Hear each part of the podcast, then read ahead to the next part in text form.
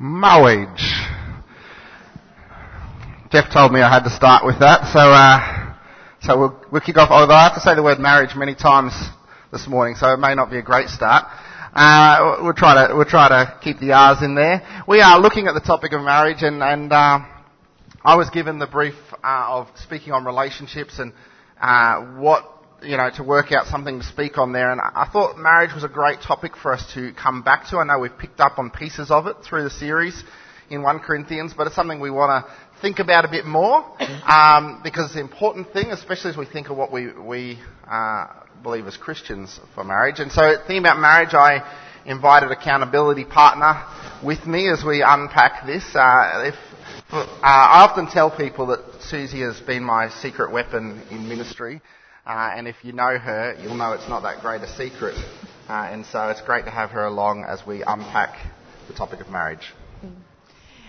So we're talking about marriage today, and uh, it's a very serious and a very personal topic, isn't it? And we all come with different experiences and different journeys of marriage and divorce.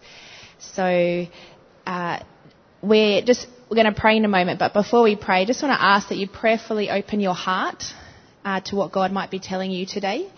Uh, and please be, uh, be gracious enough to talk to us during the week if something that we have said um, has caused confusion or even if we've offended you in any way. Please come and talk to us during the week so we can hear you and talk to more about it. And I think that goes for any sermon in the whole of the relationship series because it's it's brought up a lot of personal and confronting topics. So any of the speakers, any of the preachers that you've heard, like talk to them about that. So let's stop. Let's pray before we go any further. God, thank you that you are the God of love and you are perfect and you are holy. We thank you for your word and we thank you that your word is trustworthy and true. Thank you that you are here with us today. And I just pray that you will quieten our spirits and that you'll open our hearts, our minds, and our ears to what you want to teach us today. I pray for Dan and I that every word we say will be honouring to you and glorifying to you. In your name we pray. Amen. Amen. Uh, we thought marriage was a topic worth coming back to and thinking a bit more time out, on because as we look at our world, as we see things around us, we can see very clearly that there is a war going on against marriage. And I'm not talking just about the, the same sex debate. I'm talking about a war that started on marriage a long time before that. A war that started in a garden when a serpent convinced a woman to do things other than God's way. A, a war that started when a man uh, in a garden blamed his wife for his own sin. We see a war going on against marriage, and it's sin's war against marriage that God has given us. We live in a sinful society, and we are sinful people, and we are pulled down by sin's war on marriage. It's interesting as we think about marriage and we process it because the reality is many things impact us and what we think about marriage. Uh, we, we, can look at things like, we can look at the Bible, but we're also impacted by the world we live in, and we're impacted by broken relationships. And as we see broken relationships and we try to make sense of them and we try to uh, justify things, loved ones we've seen, uh, the mistakes, the, the good things people do, we, we try to work that out. We, we live in a world where we watch movies that uh, portray relationships in certain ways. All this impacts what we think on marriage. And I think the truth is, as we think about this war, sin's war on marriage, the truth is I'm not sure as battle lines are drawn we always know what side of the lines we stand on on certain issues. Uh, and so it's important that we're thinking about it. In fact, it gets so confusing that, uh, and, it's so mixed up that we are, come to a point where we would say we don't believe in marriage. That is, we don't believe this picture of marriage that we see in the world around us. We believe marriage is supposed to be more than what we see the world says marriage should be.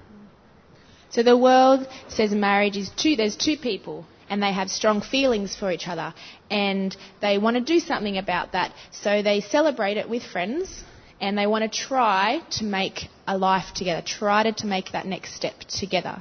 So we don't believe in that, that that is all that marriage is, what the world is saying. We, we're- think the Bible is very clear saying that marriage is far more than just that. Sometimes, I mean, it depends on different people and who you talk to and different views on marriage, but sometimes marriage sounds a bit like just more serious dating. Like you date someone and you hit a point where you want wedding. A wedding is just an expression of love, and it, it's showing that you care for someone enough that you want to take things more seriously than you used to take them. And, and we don't see that that's what the Bible says marriage is. Marriage is more than that. So when we say we don't believe in marriage, we want to say we believe in, we want to use the words holy matrimony. They're words that we've borrowed from the Anglican prayer book. And we think they're helpful words, particularly because they pick up on the word holy, which means set apart for God. And that changes what we think about marriage as soon as we bring God into the picture.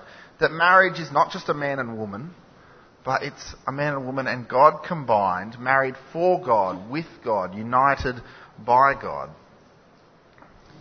So today we're going to unpack um, what we mean by holy matrimony, and Dan's going to talk about, uh, speak on where we find that in the Bible, and we're going to apply that to our lives. If we are married, if we are single, how does that affect us, and how can we apply that to us? Uh, we want to acknowledge in this that um, there's people in this room that have been married far longer than we have. Uh, and this is not us saying, you know, we, we got all the answers, but we want to think together as a community and also look at what the Bible says about marriage and apply that to our lives and encourage each other in marriage. And so as we're thinking about this idea of holy matrimony, we want to say that firstly, holy matrimony is all about finding the one.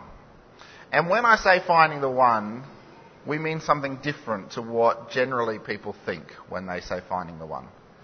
When I think of the one, I think of uh, the movie Love Actually and all those intricate love relationships. And there's that boy who is infatuated with the other girl at school, and she's the one. And his dad is Liam Neeson, and he keeps saying, "She's the one, Dad. She's the one." And I, I don't know how you can find the one in primary school but it's love actually.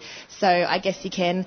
And there's the other scenes with Colin Firth and Aurelia, and they spend the summer together, and then they go back to their countries, and Colin Firth goes, "Oh my gosh, I'm in love with Aurelia. I need to learn Portuguese. I need to go to her country. I need to propose." And that's what he does. And she says yes. Well, she says in broken English, like, "I think my answer is yes."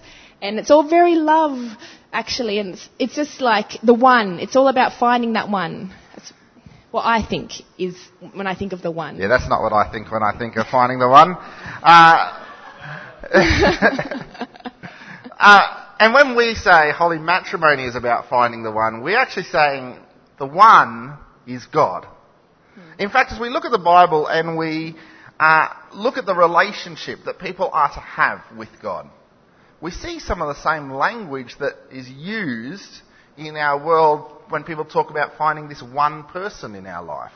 Uh, for example, Jesus is talking to a religious leader, and the, reli- the religious leader says, What's the greatest commandment? And this is what Jesus says. In Matthew chapter 22, verse 37, he says this. He says, Love the Lord your God with all your heart and all your soul and all your mind.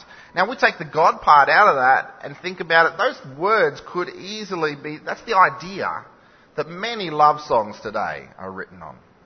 Right? That's the kind of language we use when we talk about finding this one perfect person. Someone that can love us completely and we can love them completely and perfectly.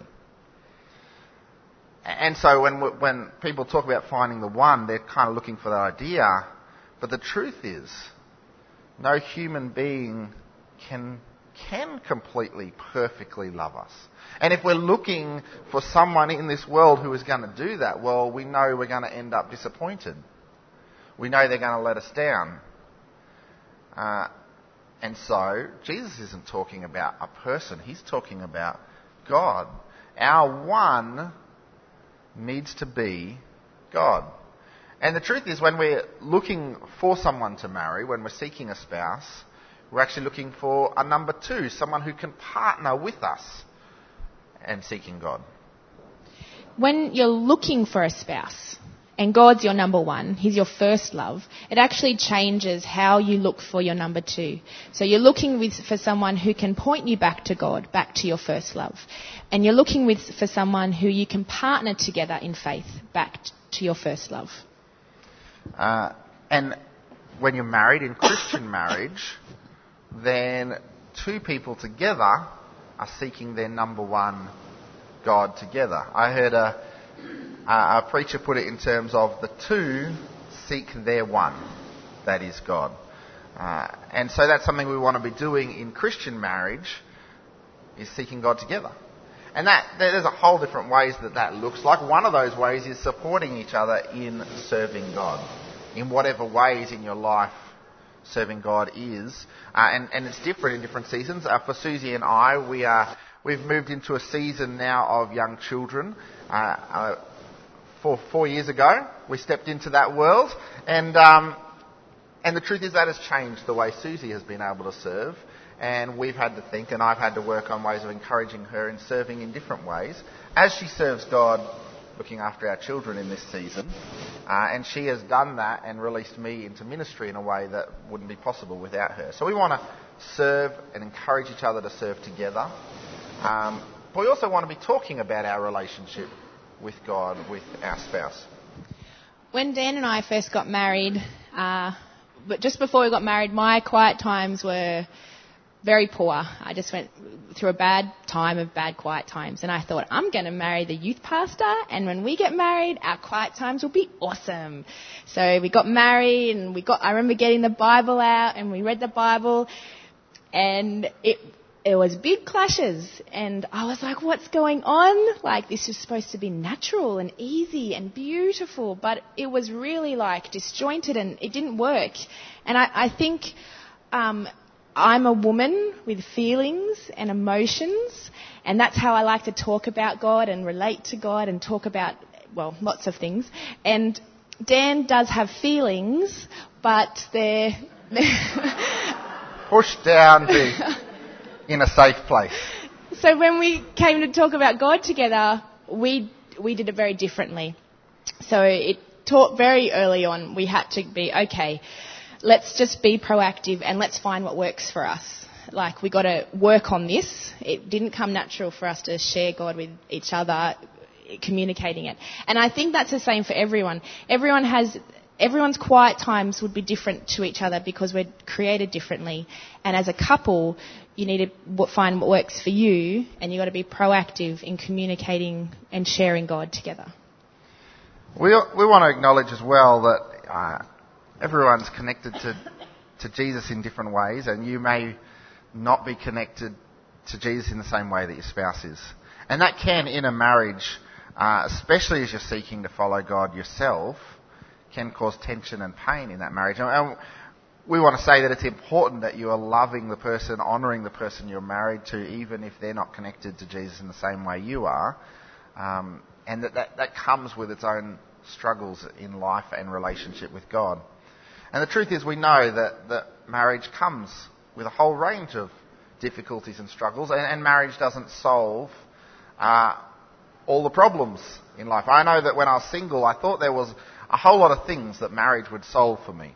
Uh, uh things like loneliness and things like worry about the future. I thought when I was married, uh, my concerns for the future would be, uh, I, you know, I'd be in that stage. But the truth is, there's new things about the future, new worries in life. And there's a danger in life that if we're always looking for the next season of life to solve this season's problems. If we're saying, as soon as I have kids, you know, we'll, then, then things will be okay then. As soon as the kids are at school and, and it's not quite this baby crazy world that we're in, or as soon as the kids have moved out of home and we're a couple again together, or we're retired, always looking for that next season can be dangerous because the truth is we know there's always that struggles that come up in our Christian walk, no matter what season we're in. There's always worries for us to have. Jesus talks about worrying in Matthew chapter 6. And Jesus says, don't worry. Like, as in, do not do that. Like, but our response, well, we're humans. We worry. Like, so Jesus goes on and Jesus says, well, no, you don't worry. Because he says in verse 33, he says, But seek first his kingdom and his righteousness, and all these things will be given to you as well. So Jesus is saying, in your worries, don't worry, just seek your first love. Go back to your number one and trust him. He knows what you need and you can rely on him and in your current stage, in the stage that's ahead of you, whether it's unknown or predictable, just go back to your first love. And so we want to say the first thing about holy matrimony is that it's about the one, seeking the one who is God, making him first. We also want to say that holy matrimony is about commitment, not just compatibility. So uh, the world says that finding someone is all about the compatibility and how compatible are you together. And there's experts in the areas of compatibility that say, well, you've got to connect on intellectually. You've got to have similar education backgrounds or at least similar attitudes to um, education intellectually for the future. It um, also emotionally and physically, you've got to be compatible. So you've got to connect. You've got to communicate well. You've got to be on the same wavelength. Financially, you've got to be compatible financially. Are you, are you going to invest your money? Are you going to, do you want to spend? Do you want to save? You know, you've got to find if you're compatible. That's what the world is saying, that it's all about compatibility. Whereas we believe that holy matrimony is more than just this. It's about the commitment of the relationship. That's right. We see that compatibility can be helpful in a marriage, but Holy matrimony is about more than just that. And understanding that commitment that marriage is uh, under God, we want to look at what some of the things say, the Bible says about marriage. And a great place to go is this passage we read just before, Genesis chapter 2 uh, where, and, and 3, where we look at really the first marriage in the Bible. And there's a number of things we see there. The first thing we see as we unpack that, in fact, it's in the first verse we read, uh, is that this relationship between men and women is a gift from God. Uh, this is what it says. The first verse we read, Genesis chapter 2, verse 18. It is not good for the man to be alone. I will make a helper suitable for him. It's interesting as we, un- if you follow the story of creation, you, you probably remember that each day God says it is good about what He's created. This is actually the first time God says something isn't good. And what is it that He says it isn't good? It's this loneliness. It isn't good for man to be alone, and so God gives him the gift of relationship. Uh, he, he gives him a woman. And we see that from that comes community and relationships. So, so relationships, firstly, are a gift from God.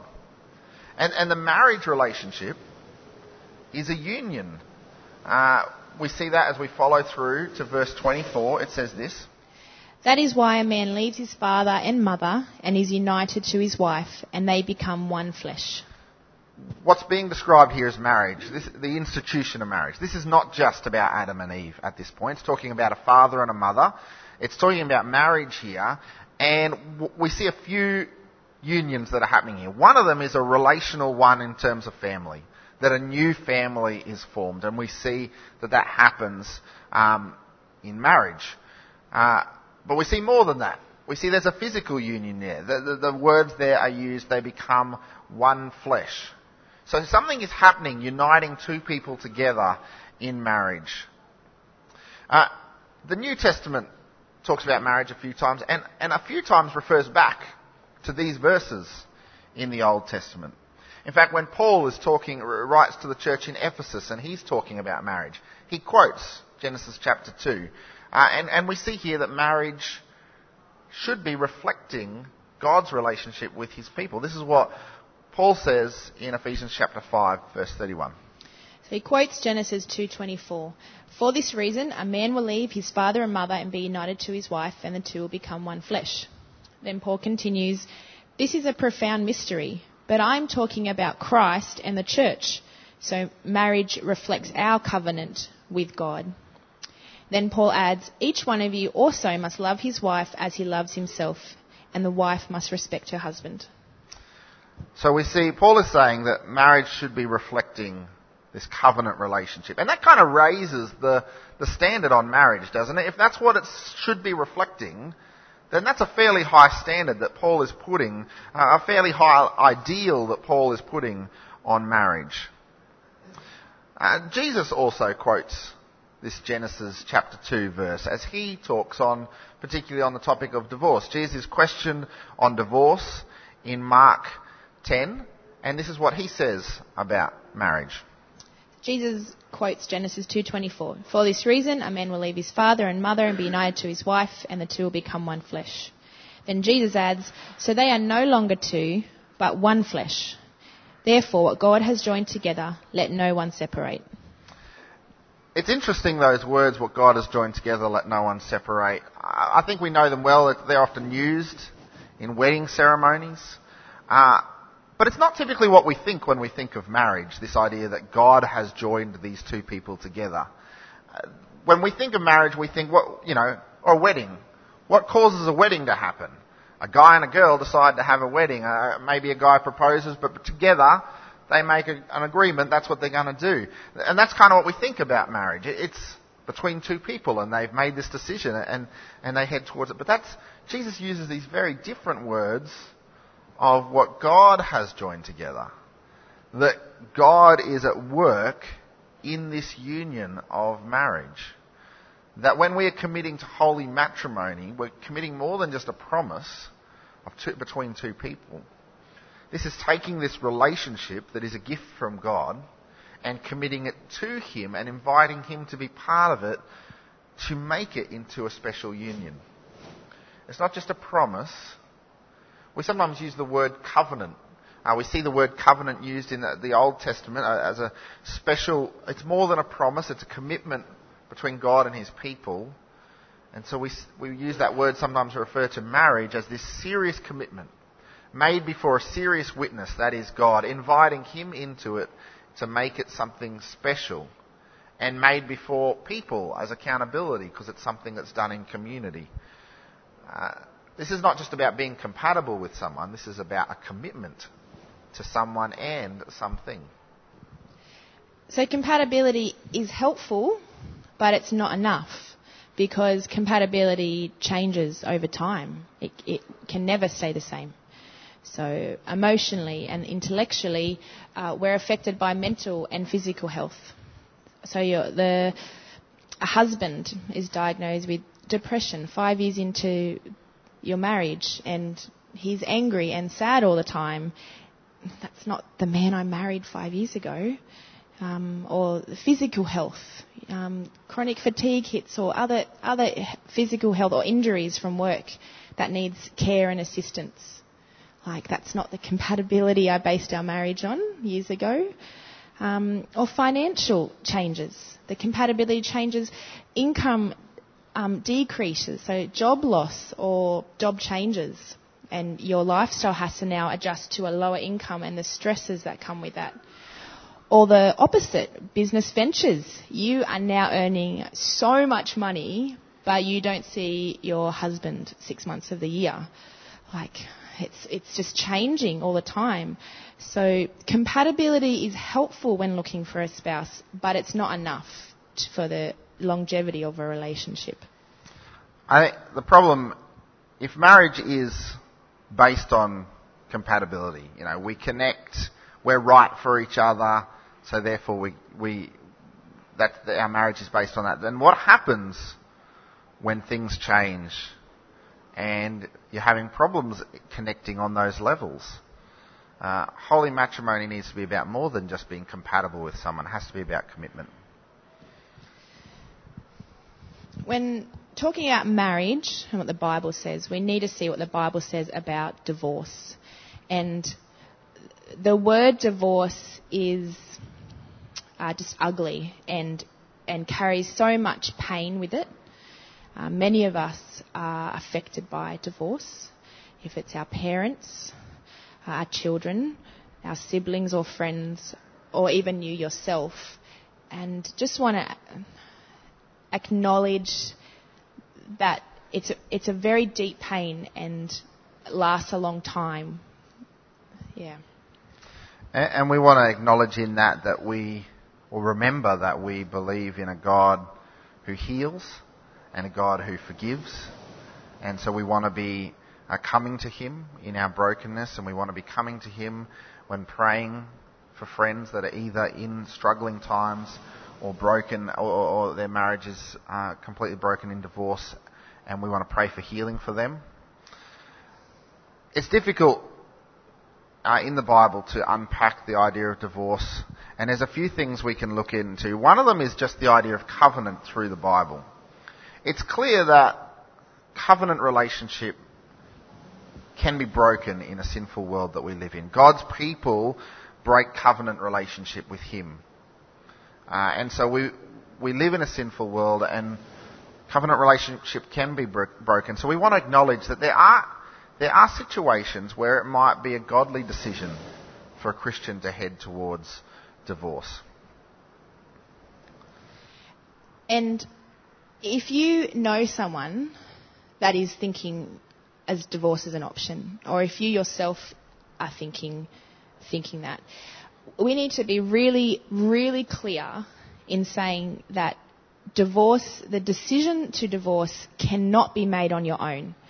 You, uh, the decision must be sought out with many professionals and many wise counsel. You, you cannot make this decision because it's so serious and um, the, yeah, the repercussions of it. So you need to seek God. What does His Bible say? Listen to many teachings on divorce, not just one sermon, but go and hear many teachings on it. Um, seek wise Christian counsel. Older, godly people that you can get their input and their advice from. And seek professional help. Go to professional counsellors, professional psychologists to help you form that decision. So we want to be we want to be clear. We're acknowledging that there could be godly reasons why marriage uh, might why, why a Christian might head towards divorce. We want to acknowledge that. We just want to park that here for a moment and come to the other side and say very clearly there are definitely situations where it is not a godly decision to head towards divorce. So, falling out of love is not a godly reason for divorce if you're in a relationship and you are empty and exhausted and you have nothing left, you are weary, every day is hard, you have nothing left to give, I've got no love, I've fallen out of love, and I just, I've, I've had enough. That is not a godly reason to divorce. Getting a divorce because you've run out of love I think is a bit like selling your car because you've run out of petrol. Uh, it, it's something that can happen. It might happen. It's, it's likely to happen. But selling the car isn't the solution. Uh, and if your car runs out of petrol, you walk the miles or you find a way to get the fuel to get it back into the car to get it up and running again. Uh, the same thing we want to be thinking about with marriage. That selling the car is not the, the solution. So, how do we keep our marriages together? We want to say that holy matrimony, we want to raise the standard of it as we think about it, and we want to say holy matrimony is worth fighting for. Uh, holy matrimony is about fighting for our marriages, and that means making extreme sacrifices. Uh, it means doing things to guard, to safeguard, to safeguard your marriage and our marriages in communities, in our community together. Uh, for Susie and I, for example, when we first got married, we made a decision um, to not meet with someone of the opposite sex in a house alone. It was it was a decision for our marriage. It was also a decision for ministry as as we seek to be above reproach. But we had friends who questioned us on that and said, you know, is it, isn't that a bit extreme? And uh, do you just not trust each other that you wouldn't want your spouse in a house alone with someone? And we said, actually, we want to say it's because we don't trust ourselves. Not that we have so little self-control, but that we want to acknowledge life goes through seasons. And we, we want to acknowledge that there's a chance, there's times where we could, our relationship might be different and struggling, and we want, don't want to open ourselves up to opportunities. We want to acknowledge that it's possible to fall in love with someone else. And we don't want to open up opportunities. So we want to fight for our marriage and safeguard our marriage in ways like that. Another decision that I think is helpful and wise to protect marriages is um, not being best friends with someone of the opposite sex. and whether um, you're married, whether you're single, um, it's it it's I guess uh, un, it doesn't it's not helpful for those boundaries to be like yeah in that way. Now I'm I'm saying be friends uh, with guys and girls. That's great. I'm talking about that intimate relationship. That's a best friend relationship outside of a marriage. And I know that um, when I've said this uh, before, it, it's ruffled feathers, and uh, some uh, you, you, might be feeling defensive about that. But I, will stand firm. We'll stand firm on saying this, and please come and speak to me more about it um, afterwards. Uh, it, it could, because we're saying that marriages are worth uh, making extreme decisions for to protect. Um, it's like putting the fence before a cliff edge. You know, you put your fence here and when the cliff is here. So that if you accidentally or purposefully climb the fence, you have a few steps before you get to the edge of the cliff. And then you go, oh my goodness, I need to be back behind this fence. Whereas if you put your fence on the edge of the cliff and you accidentally or purposefully climb that fence, that's the edge right there. There's no leeway to backpedal. So we're saying it's worth putting up these uh, extreme protective um, decisions to safeguard. And so that means we need to do, we want to be proactive in our marriages. It means that if you are uh, flirting with someone you're not married to or you're, or who is in another married relationship if you're single, then that needs to stop because we want to hold holy matrimony in high regard and protect our marriages. I had a friend who had a dream about a married woman and next time he saw her, he had, he felt chemistry towards her and he made a decision to distance himself as much as he could from that relationship until that those feelings had passed because he wanted to make sure that he was doing everything he could to safeguard his marriage. Holy matrimony is worth fighting for. Uh, and so we want to say, uh, do things like seek counselling if, if uh, communication is a struggle. Uh, counsellors can give great tools to help communicate and help process, even help process things for yourself. Uh, look at things you can do to enrich your marriage. Holy matrimony is worth fighting for. Let, let us finish with this. We're, we're, saying we don't believe in marriage because we're saying we believe in something more than marriage. We believe the Bible says what God calls us to is more than what people generally say and, and treat marriage as. So we want to say we believe in holy matrimony, a kind of marriage that God calls us to. And we want to say that first of all, that's about making Jesus our number one, about finding the one in God, and then with our spouse, partnering, the two seeking the one together. And number two, it's saying we're saying that um, holy matrimony is about a serious God partnering commitment, not just compatibility.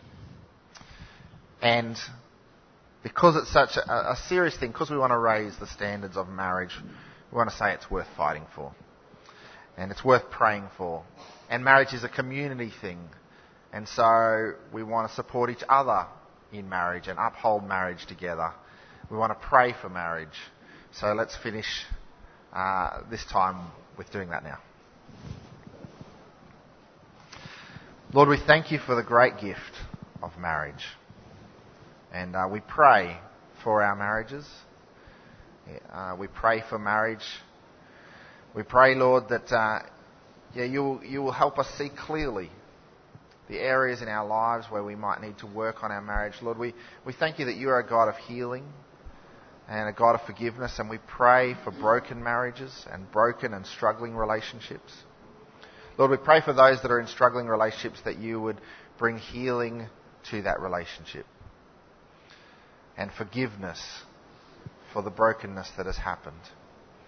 And Lord, we pray for those that our marriages are divorced, are, are completely uh, ended. Lord, we pray for the healing that's necessary there.